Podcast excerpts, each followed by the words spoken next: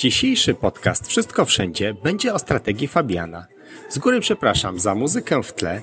Nagrywam dzisiejszy podcast w lobby hotelu, ale myślę, że muzyka może być niezłym urozmaiceniem. Czasami najlepszym sposobem na wygraną jest po prostu nie przegrać. Strategia ta nazywa się strategią Fabiana i została nazwana tak od starożytnego rzymskiego generała. Była używana w całej historii, nie tylko w działaniach wojennych, ale także w wielu innych dziedzinach. Dowiedz się więcej o strategii Fabiana w tym odcinku Wszystko Wszędzie. Bądź ciekawy!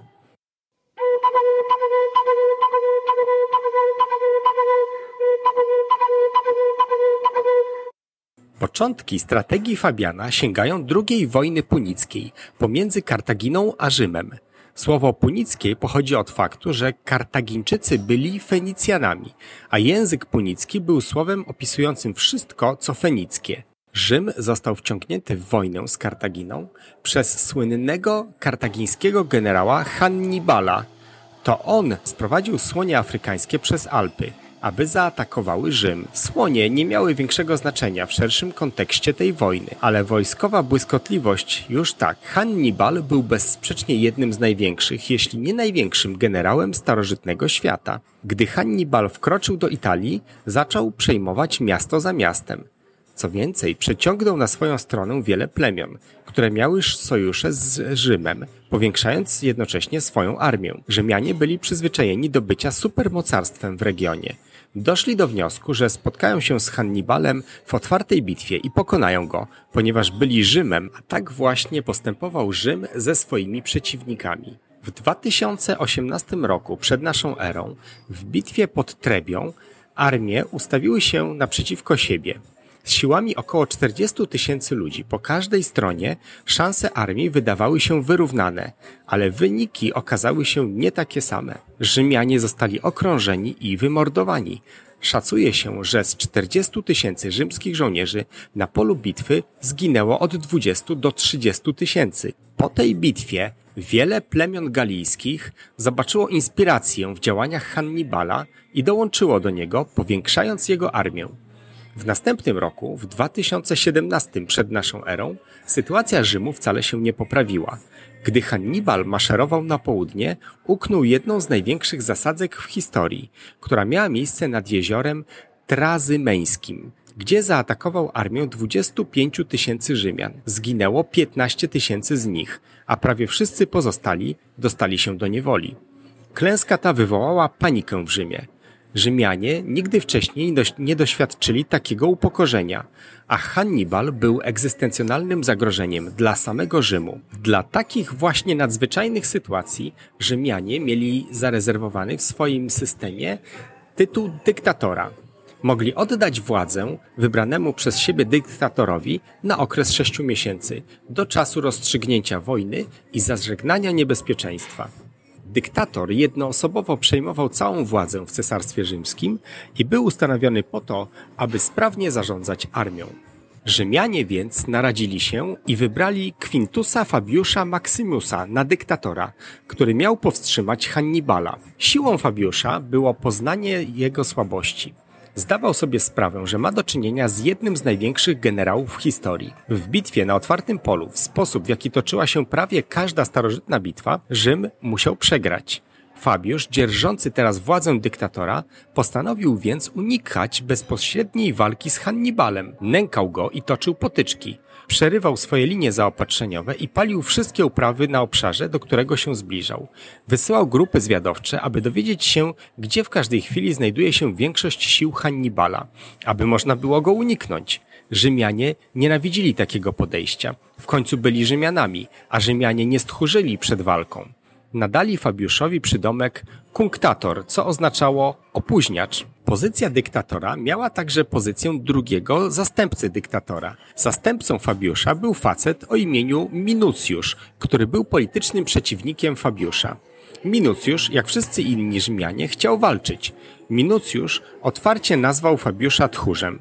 Minucjusz miał także poparcie Trybuna Ludowego, który był jedyną władzą niepodlegającą dyktatorowi. Fabiusz zdecydował więc podzielić swoją armię na dwie części, jedną oddać pod kontrolę Minucjusza, a drugą zostawić dla siebie. Wiedział, że Minucjusz natychmiast zaatakuje Hannibala i tak też się stało. Minucjusz spotkał się z Hannibalem w bitwie, został wciągnięty w kolejną pułapkę zastawioną przez Hannibala i zostałby niechybnie rozgromiony, gdyby nie Fabiusz, który przybył na ratunek. Minucjusz odtąd został zaangażowanym zwolennikiem podejścia Fabiusza. Była natomiast jedna osoba, która całkowicie rozumiała strategię Fabiusza. Był nią sam Hannibal – Hannibal wiedział, że znajduje się na obcym terytorium, ma odległe linie zaopatrzeniowe i jest zależny od powodzenia, aby utrzymać swoich sojuszników. Hannibal wiedział, że ta strategia może go pokonać i było to przedmiotem jego troski. Reszta Rzymian nadal jednak nie rozumiała strategii Fabiusza. Chcieli zwycięstw po zakończeniu kadencji Fabiusza jako dyktatora wybrano nową parę konsuli. Doprowadziło to bezpośrednio do bitwy pod Cannes w 2016 roku przed naszą erą, która bezsprzecznie stała się największą porażką Rzymian w historii. Aroganccy konsulowie zebrali ogromną armię i rzucili gigantyczny blok ludzi na Hannibala. Pomimo przewagi liczebnej Rzymian 80 tysięcy do 50 tysięcy, Hannibal wyszedł zwycięsko z jednej z największych nierównych bitew w historii. Rzym poniósł prawie 50 tysięcy strat zabitych i 20 tysięcy wziętych do niewoli. W tym do niewoli dostała się ogromna część rzymskiego senatu. Pod Kannę, które prawdopodobnie w pewnym momencie będzie osobnym epizodem, wszyscy w Rzymie byli już w zgodzie z planem Fabiusza. Termin kunktator, który zaczynał jako obelga, stał się zaszczytem. Przez lata Rzymianie stosowali tę strategię na Półwyspie Apenińskim, aż w końcu wojna zakończyła się przeniesieniem jej do samej Kartaginy. Fabiusz, wódz, który nie odniósł żadnych większych zwycięstw, doczekał się triumfu i stał się jednym z największych bohaterów Rzymu.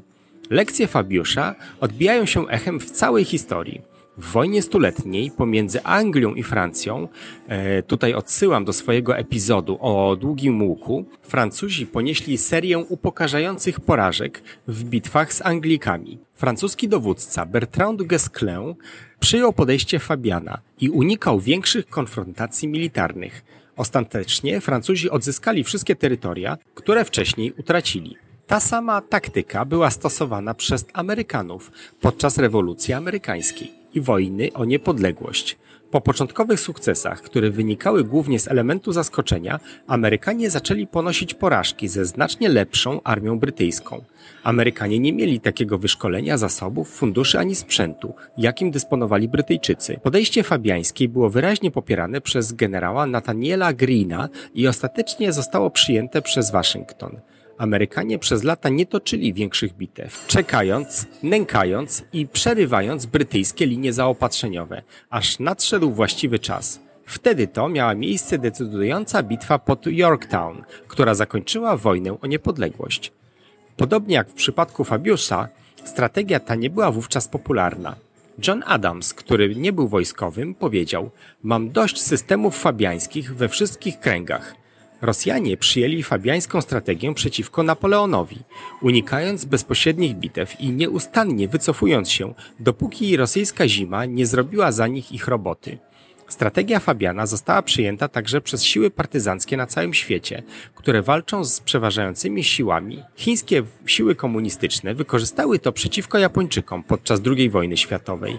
Strategia podyktowana przez Mao Tse-tunga brzmiała: Wróg idzie naprzód, my się wycofujemy. Nękamy obozy wroga. Wróg się zmęczy, atakujemy. Wróg się wycofuje, my ruszamy w pościg. Wietnamczycy z północy zastosowali tę taktykę także przeciwko Amerykanom. Wierzcie mi lub nie, ale Wietnamczycy z północy nie wygrali wielu większych bitew. Słynna ofensywa Tet była dla nich poważną porażką.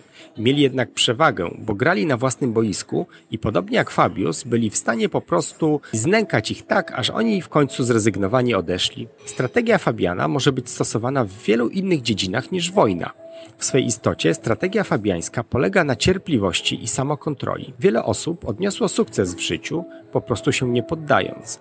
Trzymaj się czegoś, aż w końcu osiągniesz sukces. Ten podcast, którego słuchasz, to gigantyczne ćwiczenie Fabiana. Zdecydowana większość podcasterów poddaje się już po kilku miesiącach. Jeśli po prostu nie potrafię się poddać i będę cierpliwym, to wiem, że w końcu odniosę sukces. Jest to całkowicie fabiańskie podejście do wygrywania przez przetrwanie. Tak więc lekcje Fabiusza, opracowane ponad 2200 lat temu, są przydatne także dzisiaj. Bądźcie ciekawi.